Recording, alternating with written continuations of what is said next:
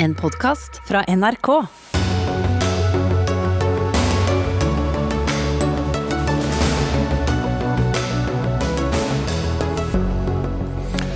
Ukraina inne i siste fase av den tolv timer lange våpenhvilen som startet klokken åtte norsk tid i dag.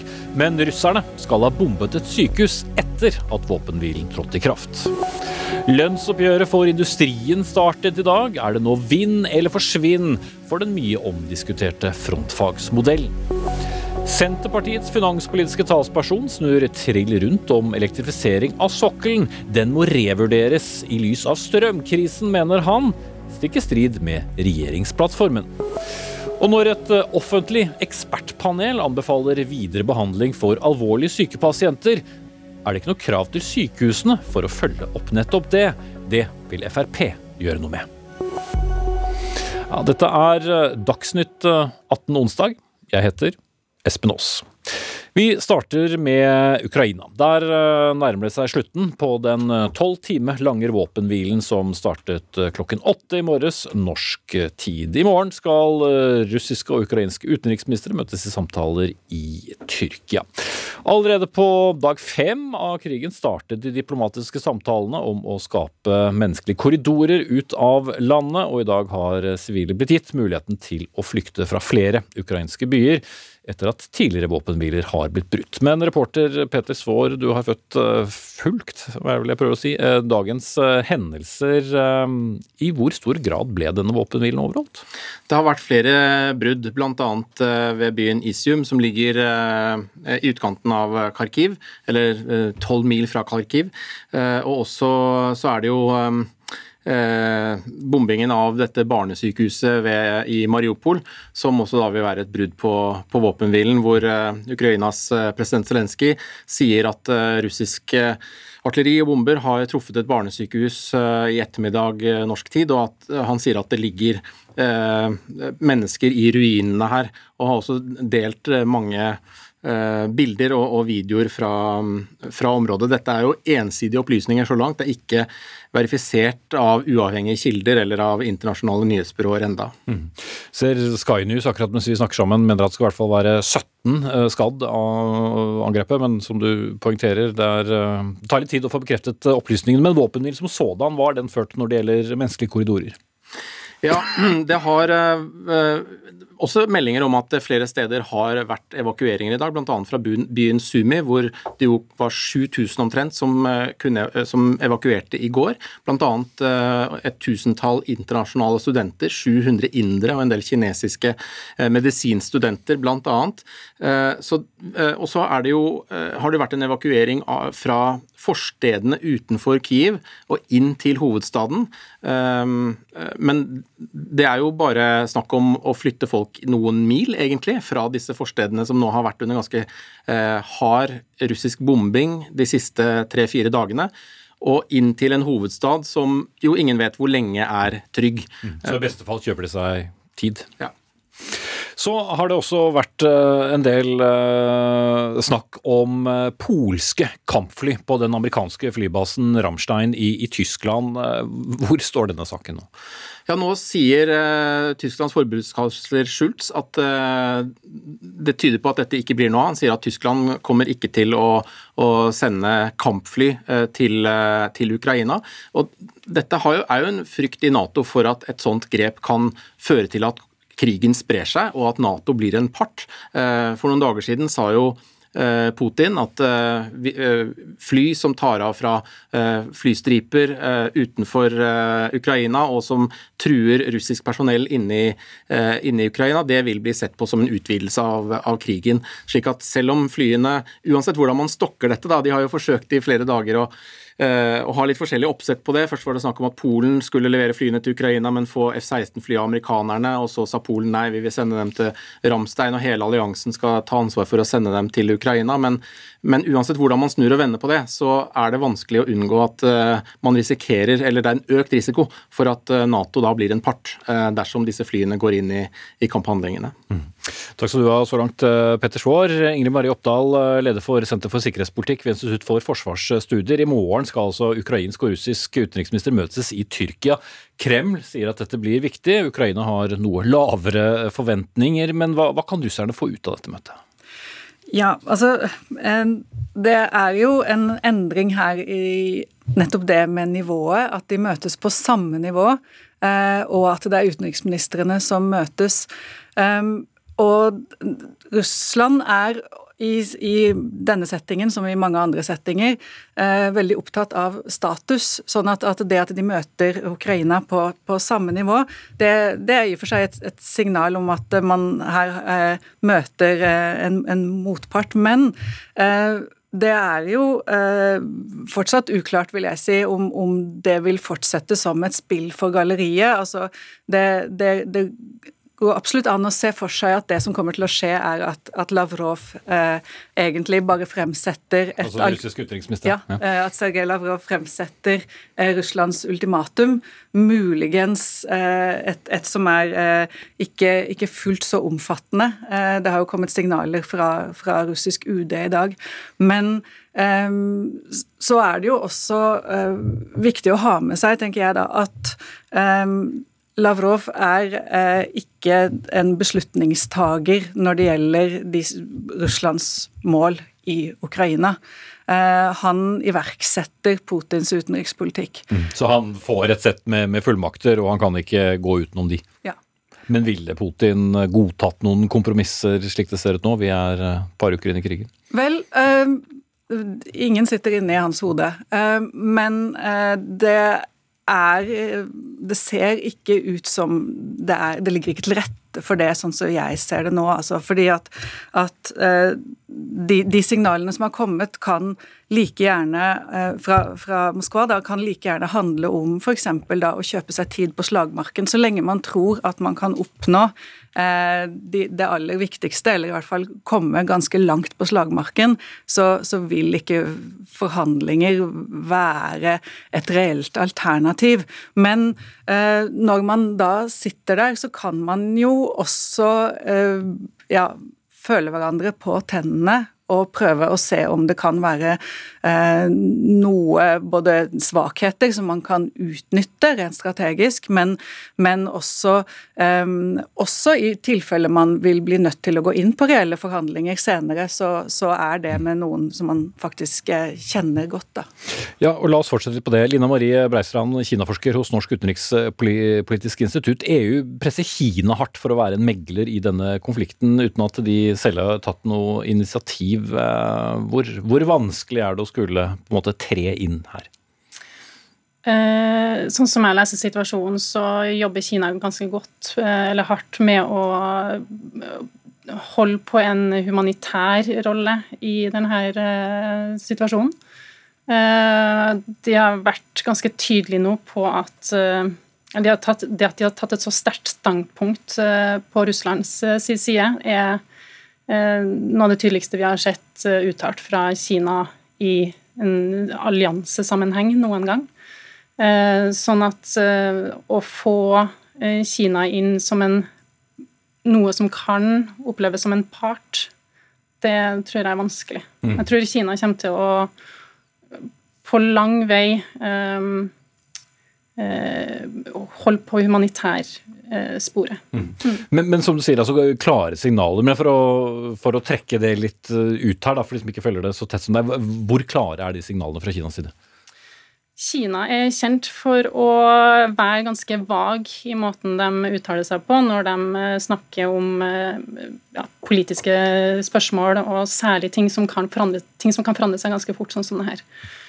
Det at Kina gang nummer to eh, understreker at deres relasjon til Russland står støtt. Det er et veldig tydelig tegn. Mm. Eh, og samtidig, samtidig, så har de jo også poengtert at disse sanksjonene som kommer fra, fra Vesten, som jo også selvfølgelig går utover uh, Kina, ikke kommer til å ende eh, krigen. Men uh, de vil jo også på lengre sikt ha en stor økonomisk interesse i at dette ikke trekker ut. Ja. Selv om sanksjonene ikke er rettet mot Kina, men de er jo en, en enorm global aktør. Det er de. Eh, nå er ikke jeg noen økonom, Men det økonomiske Altså, Kina er avhengig av sine økonomiske relasjoner til både Russland og Europa. Sånn at Kina har stor interesse av at dette ikke eskalerer. Mm. Absolutt. Oppdal, Kina, har Kina noen form for makt over Russland? Du vet jo at de de har det med å stemme likt i, i Sikkerhetsrådet og er allierte på, på mange måter, men er, er, Kina en sterk part overfor uh, russerne? Altså, En del av, av, endringene i det bilaterale forholdet over tid har jo vært at Kina blir sterkere økonomisk, og, og Russland mer og mer eh, ser ut som en juniorpartner i det forholdet. Eh, om Kina skulle legge press på Russland, så ville det også understreke det.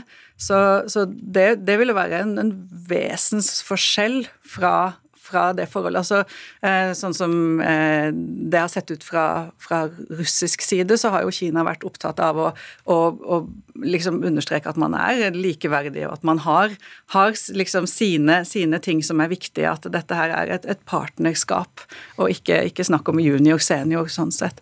Så, så, så, det ville også endre dynamikken veldig. Men når det gjelder eh, Ukraina, så er dette her så tett knyttet til Putins regime og til hans ja, personlig, til regimets liksom innerste krets og de, noen mål som man da har satt seg, som man har satt veldig mye inn på. Og sånn sett så tror jeg at, at eh, mange aktører, inkludert Kina, har vil ikke kunne nå inn når det gjelder selve hovedmålene. Mm. Uh, Cecilie Hellestveit, du er forsker ved Folkerettsinstituttet Universitetet i Oslo med oss på, på linje. Som, som Peter Svaar var inne på her, så, så tilbød altså Polen Ukraina jagerfly. Men så har vi sett, sett hvor vanskelig dette ble, og, og, hvor lite skal til da for at noen blir sett på som en partner sammen med Ukraina, og ikke, ikke er en del av det som står utenfor. Altså, fly er veldig farlig. Eh, når det gjelder disse flyforbudssonene, så vil jo de forutsette at skal vi si Nato-land deltar med fly i Ukraina. Da har vi krig mellom Russland og Nato. Det kommer ikke til å skje. Men så har du disse mellomsituasjonene, bl.a. hvis du leverer fly til Ukraina. Det som er Problemet med fly er selvfølgelig at da må du gjerne ha egne militære folk til å drifte dem på bakken f.eks. Og Det var også en av grunnene til at man, man unnlot å sende andre typer fly, fordi da måtte man ha eget personell. og da da, er, da, kan, da, kan, Russland hevde at man er blitt part. Altså at man er medkriger, rett og slett. At man deltar i krigen sammen med Ukraina. Eh, det som er situasjonen med disse flyene fra, fra, Polen, er at de er jo russiske, så ukrainske piloter kan bruke dem. Så da trenger du ikke personell fra Nato-land. Eh, men da kommer vi over på den situasjonen som vi er i nå, med Nato-land som leverer våpen til Ukraina. Og da tar vi stilling. Sant? Vi blir partiske, eller medkrigere som et litt voldsomt ord, men som man også kan bruke. Og Det gjør at Russland i noen sammenhenger kan avskjære leveranser av disse våpnene. Så hvis det tar et fly av fra Ramstein, så har Russland under noen eh, omstendigheter anledning til å angripe det flyet. Og da, hvis det da svares militært. Da har vi en situasjon hvor du har hatt en utilsiktet eskalering mellom Russland og, og Nato. Da. Mm. Men, men, så har du jo da USA og for så vidt også Storbritannia som, har, som dytter på her, da mener at uh, Polen uh, bør kunne få det tilbudt Polen da erstatte uh, flyene som det eventuelt skulle gitt til, til Ukraina. Hva slags balansegang er det da de ser for seg uten å blande inn Nato? Nei, her har jo du den forskjellen mellom kontinentale land som har felles grense med Russland, som må være mye mer forsiktige. Eh, fordi de, Det er de som blir sittende igjen med på en måte prisen dersom dette skulle komme ut av kontroll, først og fremst. Og Der er det jo selvfølgelig en ulik vilje til å ta risiko eh, hos eh, noen land sammenlignet med andre. Men det er klart alle parter her ønsker å unngå en utilsiktet eskalering. Og det påvirker det Nato-land og EU-land og andre land som hjelper Ukraina med å stå imot den russiske aggresjonen, med eh, Beklager. Det ikke lys hos deg for de som følger oss på, på fjernsynet. eh, så det er klart, det er, det er en voldsom eh, varhet for å unngå situasjoner som kan komme ut av kontroll. Fordi vi har nå rett og slett ikke de vanlige eh, institusjonene som kan sørge for at ting ikke eskalerer. Så Dermed er det grunn til å være særlig forsiktig. Mm. Men, men opptatt samtidig så vil jo Putin, og har gjort også, pekt på at enhver sanksjon, eh, ethvert grep fra både EU og Natos uh, side, ser jo han på som å ta en side. Ja, det er klart. Nå er det jo, er det jo sånn at ved en invasjon så er det jo også rett til å forsvare seg, så, det, er, jo en, en litt annen setting. Når, altså det er jo Russland som er aggressor, sånn sett. Eh, men, men eh, ja, absolutt. Eh, de, også de økonomiske sanksjonene er jo veldig omfattende. Mm. Men og, en militær deltakelse er selvfølgelig noe helt annet? Ja, ja. det er det absolutt. Mm. Mm. Vi må runde av der. Ingrid Marie Oppdal ved Senter for sikkerhetspolitikk. Line Marie Breistrand, forsker ved NUPI. Cecil Hellestveit ved Folkerettsinstituttet og vår egen Petter Står.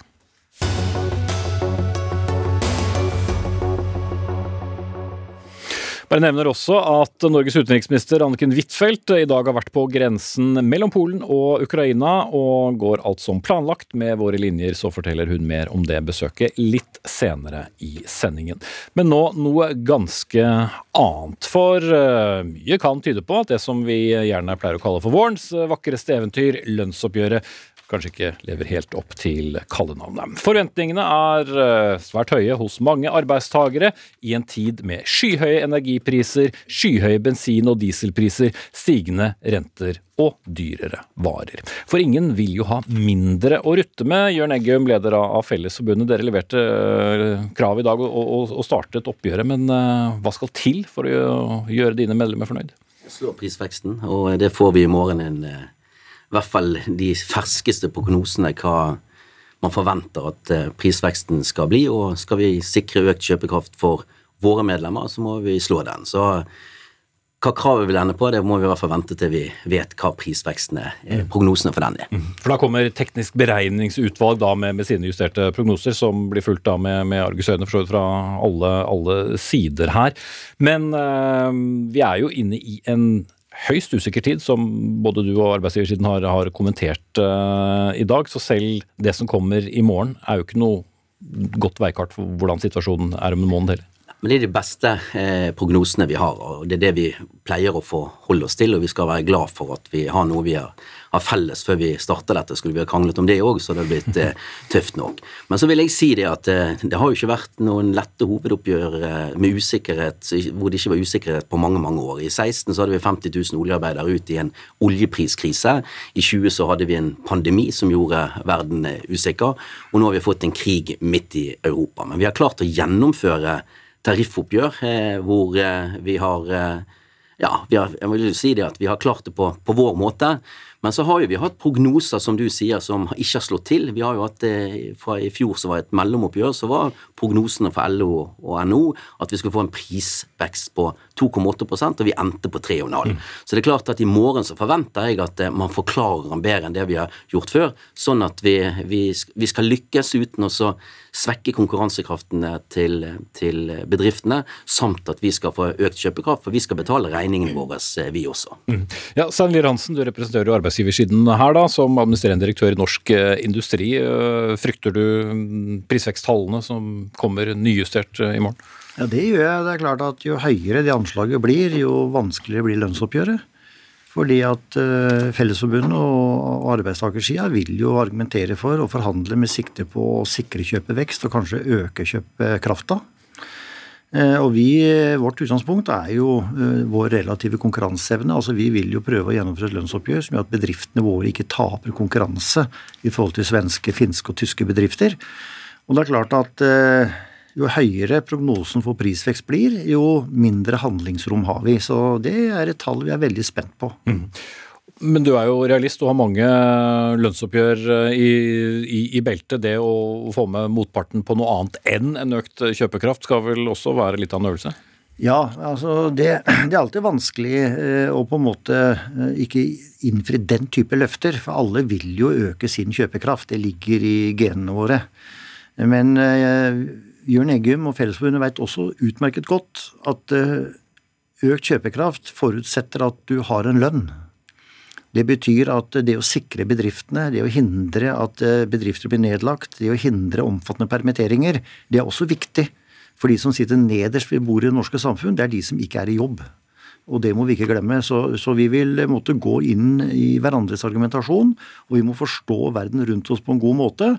Og hvis vi gjør det, så tror jeg vi skal klare å finne en løsning som tilfredsstiller begge parter. Men det er veldig krevende i år pga. usikkerheten rundt oss. Mm. Ja, altså Man snakker jo om en sånn slags eh, sånn Putin-tillegg, eller en eh, litt sånn Putin-oppgjør da i, i, år. Fordi eh, det vil også påvirke da eh, både, både, både bedrifter, men også prisene som hver enkelt eh, lønnstaker eh, betaler for, eh, for, bensin og strøm. Ja, og det er klart at jeg forstår det at når vanlige folk betaler mye mer for å bo i huset sitt pga. strømregninga, betaler mye mer for å bruke bilen sin, og kanskje også for økte matvarepriser så men det som da utfordrer den vanlige forbruker, altså alt det som gjør at vi får prisstigning, det slår også inn som økte priser for bedriftene. Bedriftene må også må betale mer for eh, naturgass, mer for LNG, mer for strøm. Sånn at begge parter her rammes for så vidt av en, pris, eh, en prisstigning på ulike innsatsfaktorer som skyldes forhold som ikke vi har kontroll med. Mm. Og Det må vi ta med inn i oppgjøret som et argument.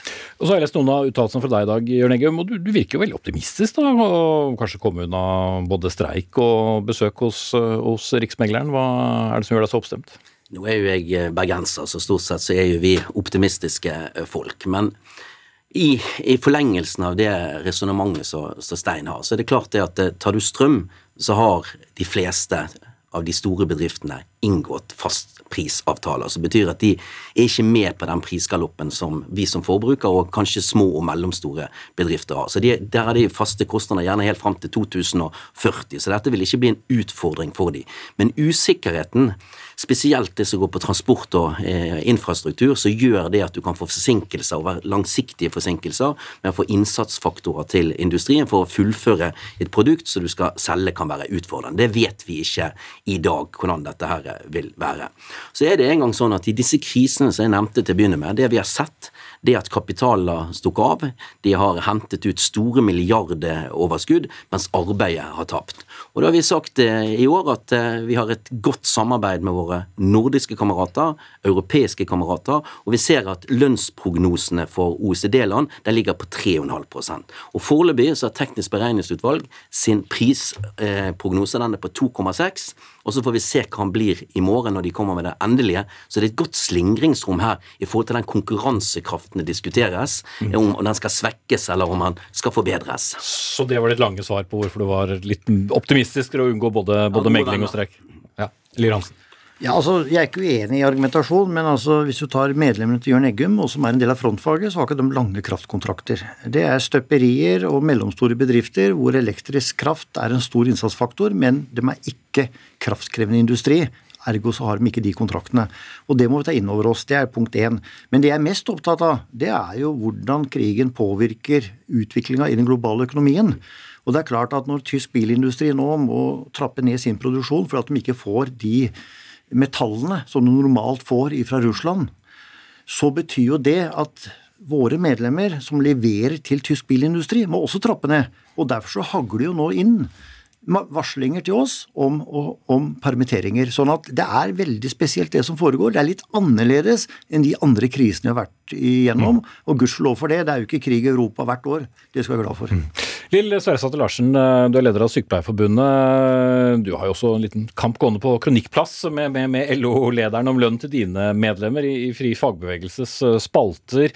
Dersom dine medlemmer skulle få samme prosentvise tillegg som uh, de i, i industrien, uh, er medlemmene dine da fornøyd?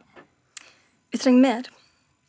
Uh, og det er ikke for medlemmene mine sin del uh, som sådan. Uh, hvis de ikke får den lønna som passer opp imot risiko og ansvar og belastning som de står i og har stått i og kommer til å stå i, også under både denne covid-krisa som vi er i fortsatt, i helsetjenesten er det ikke over, og i, i en krig som gjør at vi, de flyktningene vi tar imot, og som vi veldig gjerne tar imot, har jo også en betydning for helsetjenestene, for helsesykepleierne, for kommunene kommunene for sykehusene. Vi tar også imot pasienter som kommer fra Ukraina, bl.a. Så eh, det handler, det handler, ikke om de ansatte i seg selv og deres lønn. Vi skal ha en lønn å leve av og leve med, og kunne ha en kjøpekraft også sykepleiere og andre innenfor helsetjenesten. Men det handler rett og slett om å bevare eh, de felles offentlige helsetjenestene. Og hvis vi ikke har en lønn som rekrutterer, ikke har en lønn som beholder, så har vi heller ikke på sikt de felles jo, da, offentlige da handler det til sjuende og sist om lønn, da. Men ut fra uh, erfaringen så vil jo disse to herrene og, og mange andre også si at frontfagsmodellen har, har, tjent oss godt i alle år, er det ikke dere pleier å si? Har du fått noe signal om at det ville bli annerledes uh, for dere i det offentlige oppgjøret i år? Jeg har ikke fått noen signaler, har derimot fått signaler om at det skal være akkurat likedan som det har vært i alle år, eh, til tross for at eh, frontfagsmodellen ble eh, laga og skapt på et tidspunkt der offentlig sektor ikke var sånn som den er per i dag. Kvinner var ikke i jobb på 60-tallet. Det er akkurat det samme. Så vi ønsker jo en praktisering av frontfaget, sånn som Holden 3-utvalget sier. Og de sier at man kan prioritere mellom grupper. Og det oppfatter at LO også på sitt representantskapsmøte falt ned på et veldig godt vedtak. Sånn at vi faktisk kan sikre de gruppene som det er størst størst mangel på, og det er størst mangel på sykepleiere. 7000. Mm. Og, og Jørgen, mange som hører på da, stiller jo, eller får meg til å stille spørsmål på vegne av dem. Har det noe som helst å si for eh, ansatte i industrien om sykepleierne får en prosentvis høyere lønn? Ja, det får et press i, i, økonomien, og du får en spiral som vi gjerne ikke kan forsvare over, i hvert fall på, på, lang sikt. Så vil jeg si det at det som jeg tror er viktig for oss alle, det er at hvis industrien går først, som du sier, det er et frontfag har tjent oss godt, så er det for at vi tar ut det som er Jeg siterte deg også. Ja, det, det, som, det som er mulig å få til innenfor de rammene som vi har beskrevet før her i sendingen, om at vi skal sikre konkurransekraft, og så skal vi, skal vi også øke kjøpekraften for, for industriarbeidet. Det betyr det at eh, vi bidrar til store eksportinntekter til det norske samfunnet, som vi igjen kan bruke til å utvikle offentlig sektor og velferdsstaten som vi alle sammen er glad i. Og Det er noe vi skal bevare, og noe vi skal ta vare på, og noe vi skal, skal utvikle. Så det er det en gang sånn at når det gjelder, eh, gjelder eh, Jeg mener jo det er på mange måter en konstruert problemstilling. Jeg har full respekt for både Sykepleierforbundet og andre at de skal forhandle med sine arbeidsgivere så, og prioritere de krav de vil, men så er jeg veldig glad for at vi har ansvarlige arbeidsgivere både i staten og kommunen som sørger for det at det, det blir over tid ganske likt, så gjør det at vi har en tett løn, eh, sammenpresset lønnsmasse som gjør at alle kan leve gode liv. Altså. Mm. Men så er det jo mange i offentlig sektor som har øh, ønske om et løft, ikke minst også lærerne. Larsen, ville du godtatt om det ble deres tur i år?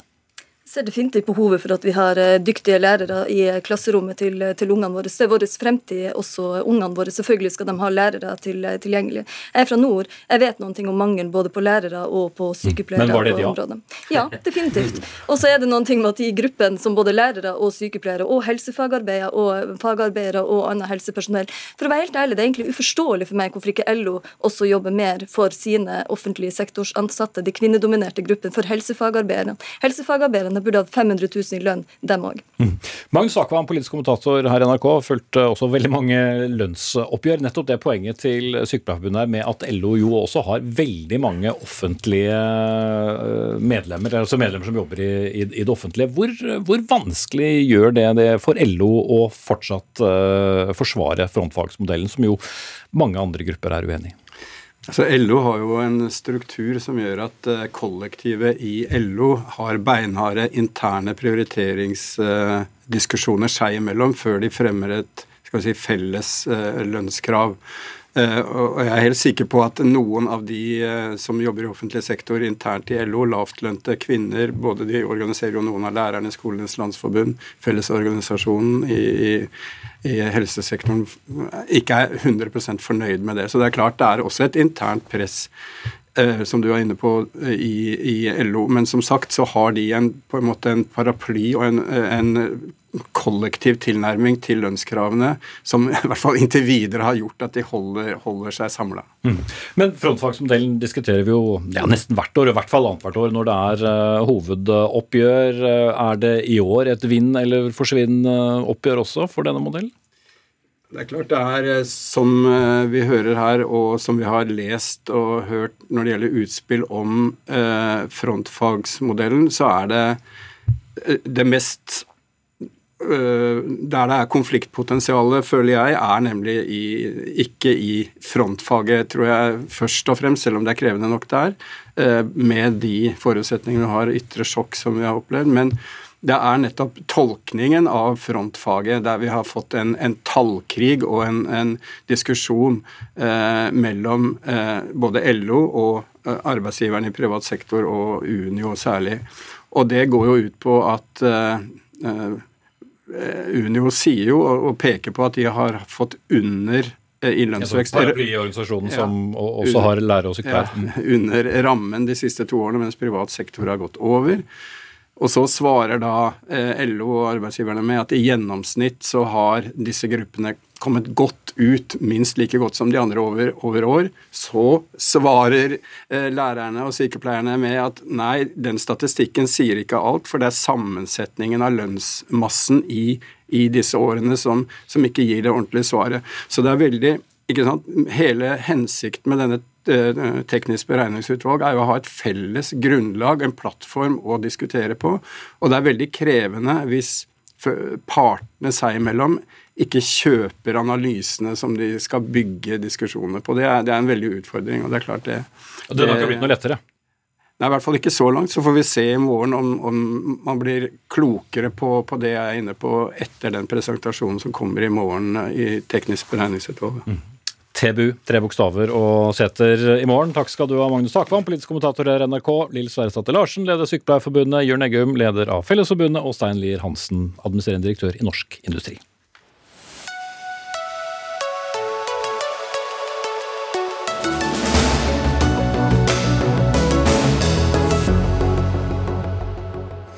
Da skal vi tilbake til eh, krigen i eh, Ukraina, vi, og mm, hvor altså våpenhvilen eh, i dag begynner å ebbe ut. Så langt er godt over to millioner mennesker på flukt. De aller fleste, eller veldig mange av disse, krysser grensen over til Polen. Og utenriksminister Anniken Huitfeldt fra Arbeiderpartiet, du har vært på grensen mellom Ukraina og Polen i dag. Hva slags erfaringer er det du tar med deg hjem til Norge etter å ha sett dette på nært hold i dag? Først og fremst at det polske folk stiller opp enormt for flyktningene. Det kom folk fra hele Polen, noen serverte mat. Og polakker i Norge har også reist ned til Polen for å bistå i hjelpearbeidet. Og jeg hadde også møte med utenriksministeren, og de gir nå tilgang til skole, helse og arbeid til flyktningene. Det var jo hjerteskjærende scener ved grensa. Nesten bare kvinner og barn som har tatt uh, farvel med pappa og bestefar på den andre sida av grensa og kommet seg over. Mm. Har ditt besøk, uh, da du er jo fortsatt i, i, Polen, endret din oppfatning av omfanget av krisen og krigen? Ja, Man får disse personlige historiene veldig tett innpå seg. De første som kom, de hadde jo familie og venner i Polen. De som kommer nå, de har jo reist i mange dager, noen hadde reist i fem dager. De viste meg bilder fra De hadde sittet i bomberommet fra leiligheter som var utbomba. Det er veldig viktig nå at vi ikke sender ting vi har på overskuddslager i ulike vestlige land. For det trengs et marked i Polen nå. Der er det klær, der er det leker til barna. Og det er viktig at hjelpeorganisasjonene får lov til å kjøpe ting lokalt. Og hvis de trenger ting, så kan de spørre om det. Mm, så det er penger eh, som gjelder? Det er penger som gjelder, fordi at eh, de trenger ikke overskuddslagre fra Europa nå, som vi ikke trenger lenger. Det vi trenger er effektive hjelpeorganisasjoner som kan få ting inn i Ukraina, og som kan hjelpe Polen og andre land. Mm. Og Polen eh, har som du påpeker tatt imot eh, veldig mange, men mange skal også videre til Norge. Hvor godt forberedt er, er Norge på å ta imot enda større mengder med, med flyktninger fra Ukraina? Ja, vi har jo forberedt oss på det. Men det vil jo kreve en enorm dugnadsinnsats fra hjelpeapparatet i Norge og nordmenn. Eh, veldig mange av ukrainerne som har kommet over grensa nå, de håper jo på at krigen er kortvarig. Så De vil jo fortest mulig tilbake, og vil vare i Polen. Men hvis krigen blir langvarig, så er det nok flere som vil komme også til oss. Nå kommer de fra grenseområdene, nå er det veldig mange i Warszawa. Eh, og der vil jo organisasjoner som bl.a. Flyktninghjelpa eh, ønsker å bidra da, med å innlosjere folk i vanlige boområder. Og det er det som er viktig. Mm. At ungene får gå på vanlig skole, og at de ikke henvises til flyktningleirer. Eh, til slutt, eh, Anniken Huitfeldt, du har også hatt møte med din polske kollega, altså Polens utenriksminister i dag. Hva diskuterte dere? Vi diskuterte hva Polen nå gjør for flyktningene. De skal få arbeid, at de skal integreres i vanlige bomiljøer. Og hvor mange som egentlig kommer. Og hva det polske folk gjør for disse flyktningene. Det er utrolig imponerende å se eh, den gleden de har ved å hjelpe andre. Men vi må jo være forberedt på at hvis de blir boende lenge, så trenger også Polen økt støtte. Og det må Norge og andre land bidra med, for de gjør en enorm innsats for flyktningene i denne veldig vanskelige situasjonen. Mm. Så takk til deg, Anniken Huitfeldt, utenriksminister med oss fra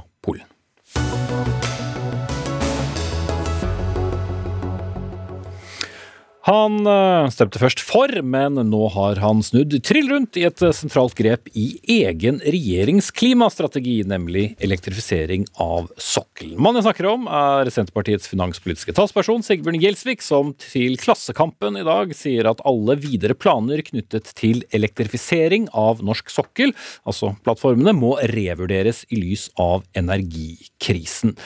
Strømmen bør brukes til andre ting, kort og godt, og bakgrunnen er da et enstemmig vedtak på Akershus Senterpartis fylkesårsmøte sist helg, som du tilhører da, Sigbjørn Gjelsvik. Men det at du som eh, en mann med en så, et så viktig verv i stortingsgruppa snur eh, trill rundt, eh, spurte du en voksen først? Altså avklarte du dette med ledelsen? Jeg drøfter jo det med de som framfor alt er viktig for meg å drøfte her med, og det er jo de jeg representerer. Eh, mitt fylkeslag, Akershus Senterparti, som enstemmig gikk inn for eh, det standpunktet her, og som vi representerer og, tar med inn i, inn i, Stortinget. Og så vil jo jeg eh, mene at både i Senterpartiet, men òg i andre partier, tror jeg, så er debatten om elektrifisering endra seg gradvis over tid. men det står i regjeringsplattformen at man skal elektrifisere sokkelen? Ja da, men både i Senterpartiet Senterpartiet sitt program og i regjeringsplattformen så er han veldig tydelig på at det som er viktig, det er jo å bidra til stabil eh, kraftforsyning i Norge, rimelige priser, og sørge for at vi kan ta vare på det konkurransefortrinn vi har hatt. Eh, og Da er jo det viktig at vi sørger for nettopp det, både for å ta vare på eksisterende industri, men òg legge til rette for nye industrietableringer.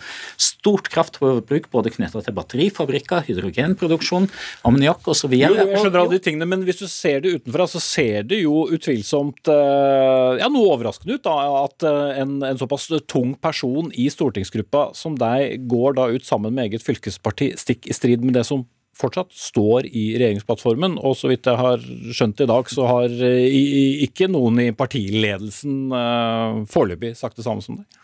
Jo, men jeg tror det er viktig eh, i politikken. Eh, det er jo òg at når eh, situasjonen endrer seg, vi står oppe i en energikrise som, som, både, som, ut fra mange ulike forhold og en dramatisk situasjon internasjonalt òg som en del av bakteppet for, for det, men, men, som berører både mange privathusholdninger i Norge, men òg eh, næringsliv og industri. Eh, som frykter for, eh, for framtida, som òg ber om at en må ta noen valg i forhold til å prioritere. for det står ikke bare... Jo, jeg skjønner, skjønner mye argumentasjonen, men, det, jo, jo, men det, at du faktisk bare... går imot ditt eget uh, partis regjeringsplattform, står jo fortsatt der. Jo, men Det står ikke bare én ting i regjeringsplattformen. Jeg har vært med på, på, å formulere den ut og vært med på å forhandle den fram. For at Noe av det som er utrolig viktig for den regjeringa her, eh, Arbeiderparti-Senterparti-regjeringa, det er å bidra til omstilling av det norske samfunnet, kutte utslipp, samtidig som vi skal arbeidsplasser og verdier i det norske samfunnet. Og Da må vi sørge for å ta vare på en verdensledende industri som vi har i Norge, i tillegg til at òg de nye etableringene. Og det hjelper jo ikke da hvis du har de som ønsker å bygge en batterifabrikk i Norge, hvis krafta er sendt ut ja, okay, i Nordsjøen istedenfor at du bruker den på land. Ola Elvestuen eh, fra Venstre, tidligere klima- og miljøminister. og Det som jeg ikke da spurte Gjelsvik om, men som jeg kort skal referere til, at hans svar da på å nå eh, våre klimamål eh, i stedet for å elektrifisere sokkelen, er jo da å kjøpe klimakvoter. Kan man gjøre det? Ja, du, du kan, men det er jo ikke det vi skal gjøre. For det bryter jo med det både det regjeringa har lagt frem, at de skal kutte med 55% noe Venstre støtter, i Norge. Og så bryter det også med stortingsvedtak. For Stortinget har jo vedtatt at vi skal kutte 50 på sokkelen innen 2030. Og det er et av våre virkelig viktige klimatiltak. Eh, og for å få det til, så trenger vi også kraft fra land. Så det som er problemet, er at her sånn, når man ser et problem, så, så trekker man seg bare tilbake. Det vi trenger, er vi trenger å gå framover. Og skal du er det kraft fra land-prosjekter du ikke skal ha, så må du ha alternativer. Men da alt dette ble vedtatt, så var ting i, øh, i, i vårt energimarked helt annerledes. Hvorfor kan man ikke da tenke nytt når man ser at vi står midt oppi en, en strømkrise? Først og fremst Den strømkrisen vi når, og den vil jo vedvare, er der først og fremst for Europa nå skal kutte ut eh, russisk gass, og russisk eh, startet litt olje. før det, da. Så, ja, men da var det fordi Russland ikke ville levere gass, og gassprisene lå veldig høyt. Nå er vi i en helt annen situasjon, og vi må støtte opp under at de får de utslipp, de kuttene. Men så er det klart at vi har også fått FNs klimapanel for en halvannen uke siden, som viser at situasjonen er enda mer alvorlig enn det vi har ment tidligere. Eh, og vi må gå foran også fra norsk side med å kutte våre, våre utslipp. Akkurat som Tyskland gjør, som Sverige gjør, som Danmark gjør, som setter seg egne mål som går utover de målene som ligger innafor Ja, og, og, og. Gjelsvik, Litt av poenget med å elektrifisere sokkelen er jo å gjøre en næring da eh, At den skal få lavere utslipp. Hvis du i stedet driver da og bare kjøper klimakvoter, så endrer du jo ingenting med din egen industri. Jo, men det som er viktig, er jo nettopp hvordan vi bruker krafta både til å kutte utslipp, samtidig skape arbeidsplasser og verdier i Norge. Bare ett konkret eksempel som Arbeiderpartiet-Senterparti-regjeringa nå har sørga for å legge til rette for.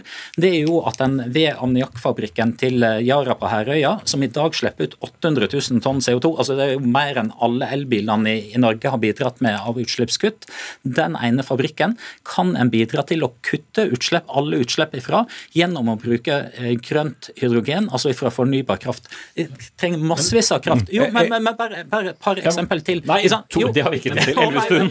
Elvestuen. Nei, men dette er ikke motsetninger. Vi skal gjøre det også. Og det som er hvis du krafta to ganger, Jo, men er hvis du- jo, men hvis du ikke vil bruke kraft fra land, så må du ha alternativ på sokkelen. Venstre har lagt fram forslag i Stortinget at vi kan bruke fra gasskraftverkene på sokkelen, så kan du bruke mye mer CO2-fangst og -lagring. Det er et grep som vil kunne ta en større del. Det er nødvendig for å få ned utslippene nok, og du kan være med på dette. Mm. Det andre er å satse på havvind.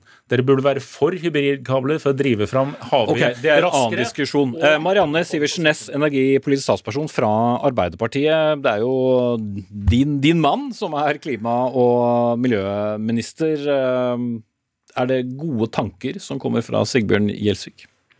Det vi kan være enige om, er jo at situasjonen har endra seg, både med det bildet vi ser i Ukraina og energisituasjonen i Europa. Ja, det er alle alle enige om, men er det gode tanker? Men det som ikke har endra seg, det er jo klimakrisa. Så vi er jo tydelige på i Hurdalsplattformen at vi skal kutte 55% i hele den norske økonomien, og 50% på norsk sokkel. Men jeg mener jo at man klarer begge deler. Både å kutte utslipp og sørge for nok kraft. Men da må vi produsere mer fornybar kraft. Og der har man jo klare planer Det går jo nå. kjempefint i diskusjonen, gjør det ikke det? Jo da, det her er å komme opp i tempo nå, for det har vært gjort lite i det arbeidet på havvind de foregående årene. Så nå har regjeringa kommet ut med en plan, og vi er i gang. Og så er det viktig å få på plass som sagt, mer fornybar kraft i hele landet, og så må vi også sørge for mer energieffektivisering. Men det jeg tror mange egentlig lurte på, om du svarte på, var hvorvidt det ville være aktuell politikk å kutte elektrifisering av sokkelen. Det er ikke aktuelt. Vi mener at også olje- og gassektoren må drive med sine ut, uh, altså utslippskutt. Og da er målet 50% på norsk sokkel. Og det er mulig å nå innen 2030, men da må vi altså uh, gjøre de riktige grepene og følge opp det som står i Hurdalsplattformen. Men tror du det er mulig, Sigbjørn Gjelsvik, å fortsatt eh, skulle elektrifisere sokkelen med det den kraften eh, det trenger, og samtidig produsere nok kraft? Nei, altså I kortsiktig perspektivet så må vi i hvert fall gjøre en tydelig prioritering. for Det som en ser nå er jo både at vi har mye eksisterende industri som også har potensial for å utvide produksjonen, ikke minst i disse dagene. En ser òg etterspørselen av både eh, metaller og andre ting som norsk industri eh, eh, produserer. Men I tillegg så er det mye av industrietableringa som banker på døra, vil til Norge. Men det krever jo mye kraft. Og Hvis du f.eks. skal ha batterifabrikk i Mo i Rana som, eh, som bruker Det var flere tredje gangen. Jo, ja, ja, ja, nei, jeg nevnte i Arendal i stad, tror jeg. Men det er flere, snakk om flere tusen arbeidsplasser, men òg viktig i forhold til både en omstilling i Norge, men òg globalt. ikke sant? Sånn at det er jo nettopp det vi må tenke. Hvordan kan vi best både bidra til å kutte utslipp, men òg skape arbeidsplasser og verdier i Norge? Og da må vi sørge for å prioritere den industrien som både okay. er i Norge, og den som vil etablere seg her nå. Hvis vi da i tillegg skal elektrifisere sokkelen, Ola Øystein, sier vi ikke da at vi bare må regne med å ha åtte kroner per kilowattime, inkludert eh, moms, som eh, vi så i går? Ja, akkurat nå så er det jo situasjonen i Europa. Det, det er krigen og det at Europa skal vi vet slutte med ikke gass. når det endrer seg. Altså, hvis du Nei, ser på future-markedet, så ja, beholder vare- det seg. Dette vil, vare, eh, vil kunne vare lenge, og derfor, men så er det ikke kraft fra land som er driveren for det. Eh, hvis vi skal begrense kraft fra land, så er det det som er poenget, at da må du ha alternativer. Dette er håndterbare størrelser, omtrent 15 TWh som er behovet. Der 10 TWh har du mulig for energisparing i bygg. Vi kan ha 7-8 TWh på sol fram mot 2030. Og du kan ta en større del av dette med karbonfangst og -lagring med områdeløsninger på sokkelen. Og det vi trenger at Gjelsvik eh, ser på, er hvordan han da skal få ned utslippene med 50% hvis han skal begrense det med kraft på land. Det er en, kreat det er en, en ansvarlig måte å tilnærme seg det, i stedet for bare å si nei og uten å ha alternativ. Mm, han skal kjøpe kvoter. Ness? Jo, jeg hadde bare lyst til å si at Vi sier jo også i Hurdalsplattformen at man skal se hvert prosjekt for seg og vurdere kraftsituasjonen på land og hvordan det er mulig faktisk å realisere.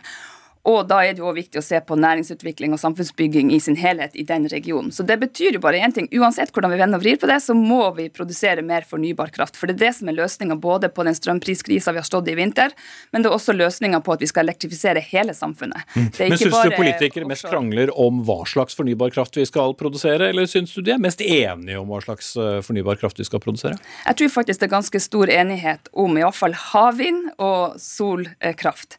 Og så er det litt mer diskusjoner om vind på land, og det har nok mye med å gjøre at det kom veldig skjevt ut i starten, og at kommunene fikk veldig lite igjen i det som lå på bordet når man rulla ut en stor plan for vind på land.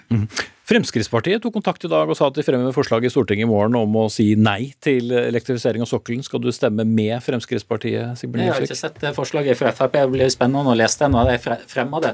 Men det er jo helt åpenbart at nå må vi sørge for altså Vi har offensive planer i forhold til å få mer kraft inn i det norske markedet.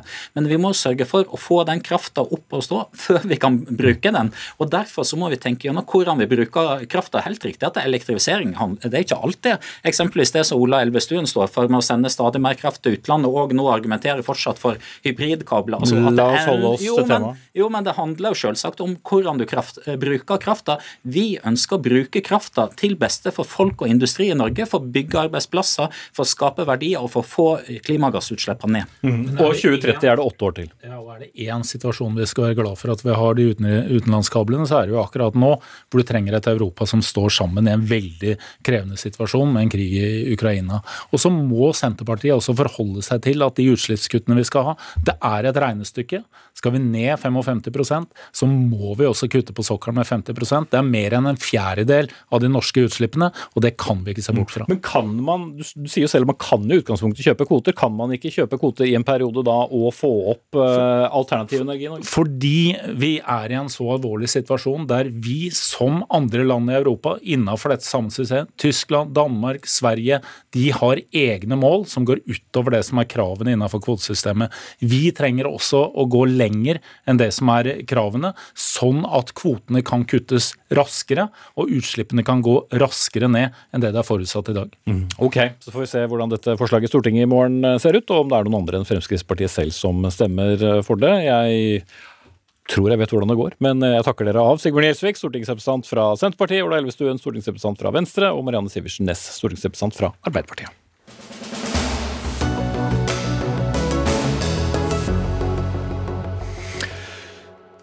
Tenk deg at du er eh, uhelbredelig syk.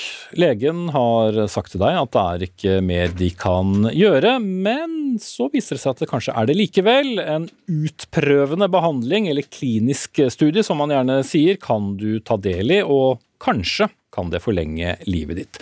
Det er slike vurderinger som gjøres i det som heter Ekspertpanelet i helsevesenet. Men når sykehusene ser bort fra de rådene som kommer fra Ekspertpanelet, hva da? Ingrid Stenstadvold Ross, du er generalsekretær i Kreftforeningen. Eh, Vi skal diskutere et forslag på dere ganske snart, men, men hva slags pasienter er det vi, vi snakker om som da Ekspertpanelet ser på? Dette er eh, pasientenes eh, siste håp.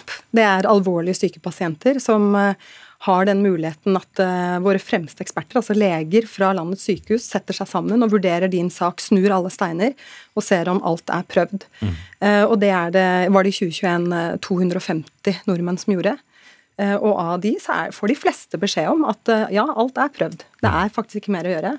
Men ca. 40 fikk beskjed om at det fins mer håp. Det fins mer behandling. Men, men uten noen garanti, da? Uten noen garanti. Men de aller fleste av de 41, eller 41 som de var, fikk, eh, fikk behandling. Mm. Men seks stykker fikk vite at de har et eh, håp om å kunne prøve noe mer. Og så sa sykehusets, sykehusets administrasjon nei. Og v- hvor ofte skjer det da at sykehusene sier nei, og hva, hva mener du da er motivasjonen til at dette dette neiet kommer fra, Ja, det skjer jo da veldig sjelden. 250 har saken fra ekspertpanelet. 41 får beskjed om at det fins noe mer å gjøre. Seks av de får nei fra administrasjonen. Ikke fra legen, ikke fra behandlende lege, men fra sykehusets administrasjon. Eh, De sier jo ikke at det er økonomi, men vi mistenker jo at det er økonomi. Eh, Og, og jeg ønsker egentlig å eh, Hvis det er tid, da, så ønsker jeg egentlig å, å nevne én av de sakene. Line Dus har blitt eh, fortalt historien sin i NRK.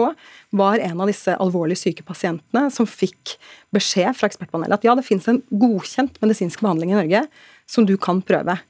Og da opplevde hun at det var himmel, ikke sant? og fikk håp.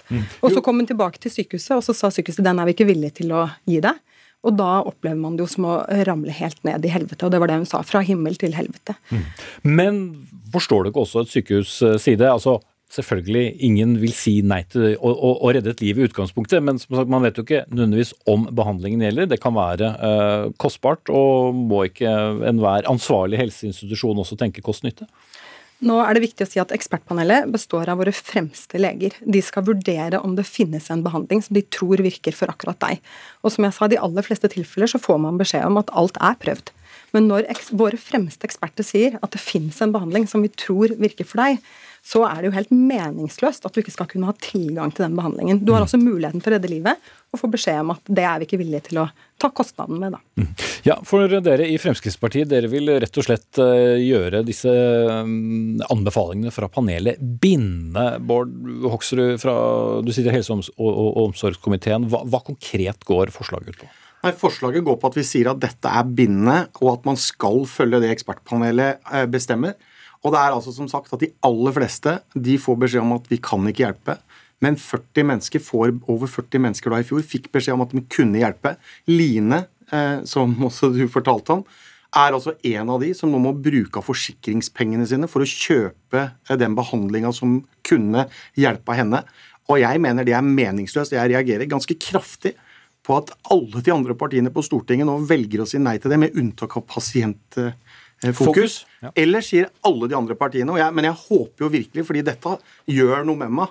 Dette er mennesker altså som har kanskje et år altså Forutsetning at man ikke har i utgangspunktet mer forventa levetid enn ett år fram i tid. Dette er altså den siste, aller, aller siste muligheten man har. Og det er å prøve utprøvende mm, behandling. Eh, og så sier altså flertallet, så stort flertall i komiteen sier at det skal vi ikke bry oss om. Dette skal fortsette å bare være ekspertpanel som skal kunne komme med en anbefaling. Og så er det helt opp til sykehusene. Og da er det økonomien som styrer, ikke behandling av de menneskene. Og det er mennesker det handler om. Så kort fortalt, det ekspertpanelet mener skal overstyre da det, den meningen et sykehus Ja, måtte måtte ha til når, man, behandlingen. når man ser så klart og tydelig at det er så få som egentlig kom gjennom det nåløyet også, så jeg, reagerer jeg kraftig på at Arbeiderpartiet, som sier at de er imot todelt helsevesen, sørger for at det er det todelte helsevesenet, og de som har råd, er de som kan få den muligheten. Jeg mener det er uakseptabelt for de menneskene. Ok. Truls eh, Vassvik, du har eh, vært saksordfører da i, i helse- og omsorgskomiteen fra Arbeiderpartiet. Hvorfor er det ikke en eh, god idé, dette? Først og fremst må jeg få lov til å si at det er et enormt krevende spørsmål der, for det er snakk om liv og død, akkurat som det blir sagt. Og, og som pappa kan jeg bare forestille meg den håpløsheten du står i eh, for å kanskje få et halvt år, et år ekstra mm. sammen med ungene sine, kjæresten sin og familien sin. Så da er spørsmålet hvorfor det Men ikke er en god idé. derfor er jeg glad for at vi har ekspertpanelet, for det her er noe som kom på plass i 2018, nettopp for å være sikker på at alle mulighetene kom opp i lyset. Så er det jo en sak nå, det er satt i gang en evaluering, eh, eller den er allerede gjort, det er til vurdering i departementet. Eh, Og det er den, eh, Så de andre partiene har ikke sagt nei til noe som helst. De- andre partiene, med unntak av Fremskrittspartiet og Pasientfokus, har sagt at det er naturlig å se det her i sammenheng, og at en skal vurdere det i sammenheng med denne evalueringen. Og så betyr det å vente. Ja, men det her er jo en prioritering i helsevesenet. Og når noe skal Som går på liv og død. Ja, selvfølgelig, men, men allikevel så mener vi at det er viktig å se, her, se, det her i sammenheng. Og så er jeg veldig glad for den runden som også Bård Hoksrud har initiert. Vi har fått veldig gode innspill fra Kreftforeningen. Og som politiker så er jeg kjempeglad for at vi får gode, konstruktive innspill fra de som faktisk eh, er i nærheten av pasientene, noe vi på Stortinget ikke er. Eh, så det vil jeg takke for, de gode innspillene, og det vet jeg blir tatt med. Ok, men før vi går inn i all denne takkingen, altså vi har da et, et ekspertpanel som ut fra navnet, burde være eksperter. Hvorfor er det da rimelig at sykehusene er de som skal eh, avgjøre det? Og som Ross sier, det kan jo da være at økonomien til sjuende og sist er det som avgjør om de vil iverksette denne behandlingen eller ikke? Ja, nå er det to ting med det. Eh, det ene er eh, det at det er økonomi, er jo, som eh, Kreftforeningen helt riktig sier, det blir jo ikke sagt. Så det, det er en påstand sånn sett. Da kan jeg iallfall betrygge fra, fra regjeringa sin side nå at vi har lagt inn betraktelig mer penger til sykehusene nå enn regjeringa til Hoksrud gjorde, og det skal vi fortsette med. Det, er, det, det, er det ene. Det, det, det andre jo, ja, nei, men det henger jo sammen. Hvis vi skal bruke økonomiargumentet, så henger jo økonomi sammen med hvor mye penger sykehuset får. Men, men, da kan man jo også si at hvis, hvis da et sykehus skal si ja til den behandlingen som foreslås fra ekspertutvalget, så må noe annet få mindre. Så, men, sånn er det jo alltid. Men poenget mitt i hvert fall er at økonomi skal ikke avgjøre det her. Eh, og det, Derfor er jeg veldig viktig og altså glad for at det nå skal vurderes i det her. Mm. Men når, for, for, for, når, kommer neste avgjørelse i denne nei, saken? Eh, regjeringa har via Hurdalsplattformen bebudet en prioriter, prioriteringsmelding. Det, det, er naturlig at det blir en del av det. det helse, helseforetaket har vel akkurat levert sin evaluering, så vidt jeg kan huske. Så det er til vurdering i departementet. Prioriteringsmeldinga ligger til behandling i Stortinget nå. Der er det ikke noen ting om dette her. Jeg reagerer ganske kraftig når du sier det du sier nå, for du sier at det, det er ikke økonomi dette skal dreie seg om. Nei vel, men altså landets fremste eksperter er de som sitter her og tar disse beslutningene og sier at ja, dette er en person som kommer gjennom det nåløyet. Dette er altså noen av de som Alt håp er nesten borte. Det er dette er det siste håpet man klamrer seg fast i. Og så sier du at ja, økonomien skal ikke spille noen rolle. Nei, da må jeg spørre, Er det råda fra ekspertpaneler ikke har tillit til? Er det Kreftforeningen? Er det fastlegen som anbefaler medisin? Eller er det pasientene sjøl dere ikke stoler på? For det er det spørsmålet vi må stille dere i Arbeiderpartiet. Og det flertallet som nå velger å stemme mot dette her. Mm, hvis jeg skal dere stille flere spørsmål. Altså, Jeg mener at økonomi ikke skal ha noe å si. og det er hele Vår grunntanke er jo at du skal ha samme behandling uansett hvor du bor og hvor tjukk lommebok du har. Det mener jeg at det systemet her eh, skal ta, ivareta. Men hvis folk må bruke forsikringen sin på å gjøre det, så, så fungerer vel ikke det helt så etter Så er det jo sånn at uh, Forskjellen mellom det Hoksrud og uh, vi nå skal se på, er jo hvem har egentlig det endelige ansvaret for pasientbehandlingen. Er det den behandlende legen? Eller skal vi sette det bort til ekspertpanelet? Og så vet jeg at Kreftforeningen har noen juridiske betraktninger til det, som jeg er glad for også har blitt tatt opp i det her. Men, men, men det er klart, øh, Ekspertpanelet har en tidsramme i hvert fall på 14 dager, eller opp til 14 dager. I et løp med alvorlig sykdom så kan også ting eh, endre seg i løpet av de 14 dagene, som gjør at ekspertpanelet ikke har fullstendig oversikt over pasientens situasjon der og da. Ja, det kan godt være at dette er søke, søkte eksempler, men vi snakker da om seks, seks, personer i året, og da er det ganske individuelt. Mm. Og Derfor mener jeg at det er helt vesentlig at det er besluttende lege også som har siste ordet. Ok, Ross på det. Ja, Det er seks pasienter i året, og vi har ingen indikasjon på at det er medisinske grunner for at de får nei. Og vi har sett nøye på det. Eh, og jeg må jo si at når man snakker om at man liksom løfter ansvaret bort fra behandlende lege, så er det altså behandlende lege som løfter saken inn for ekspertpanelet. Ekspertpanelet er på en måte et panel hvor din lege kan komme til sine fremste kollegaer og si har jeg gjort alt jeg kan for min pasient, og så vurderer de den saken, og så gir de rådet tilbake til legen. Så det er jo absolutt behandlende lege som ønsker at pasienten skal få denne behandlingen, og så er det sykehusets administrasjon som sier nei. Og det, øh, Hvis vi legger til grunn at det er økonomi, da, la oss gjøre det, så er jeg jo enig i det. Og det er vi nødt til å ordne opp i den saken som er nå. Men, men, men, da er det bare å ordne opp på torsdag neste uke. Skal man stemme for Fremskrittspartiets forslag, så har vi fiksa dette her. Da er det ikke økonomien som betyr noe, da er det faktisk ekspertpanelet. Det er ekspertene og de råda de kommer med, og det de sier er den rette behandlinga, og det de mener skal prøve. Da vil jeg utfordre Arbeiderpartiet. Da må dere være med på det. Ikke fortsette å skyve dette ut i tid. Det handler om mennesker, og det handler om livet til mennesker. Jeg mener fortsatt at det kan skje ting fra ekspertpanelet gir sin vurdering til, eh, til behandlingen kan gis. Og det er jo helt avgjørende at i hvert fall pasienten må tas med på råd. Og, og, da, Hvis vi lovfester noe, så skal ikke pasienten tas på råd. Ok. Truls Aasvik fra Arbeiderpartiet, Bård Hoksrud fra Fremskrittspartiet og Ingrid Stenstadvold Ross fra Kreftforeningen. Sendingen er ved veis ende. Sara Victoria Rygg var ansvarlig for innholdet. Eli Kyrkjebø tok seg av det tekniske. Jeg heter Espen Aas. Vi er tilbake igjen med rykende fersk sending på samme tid i morgen.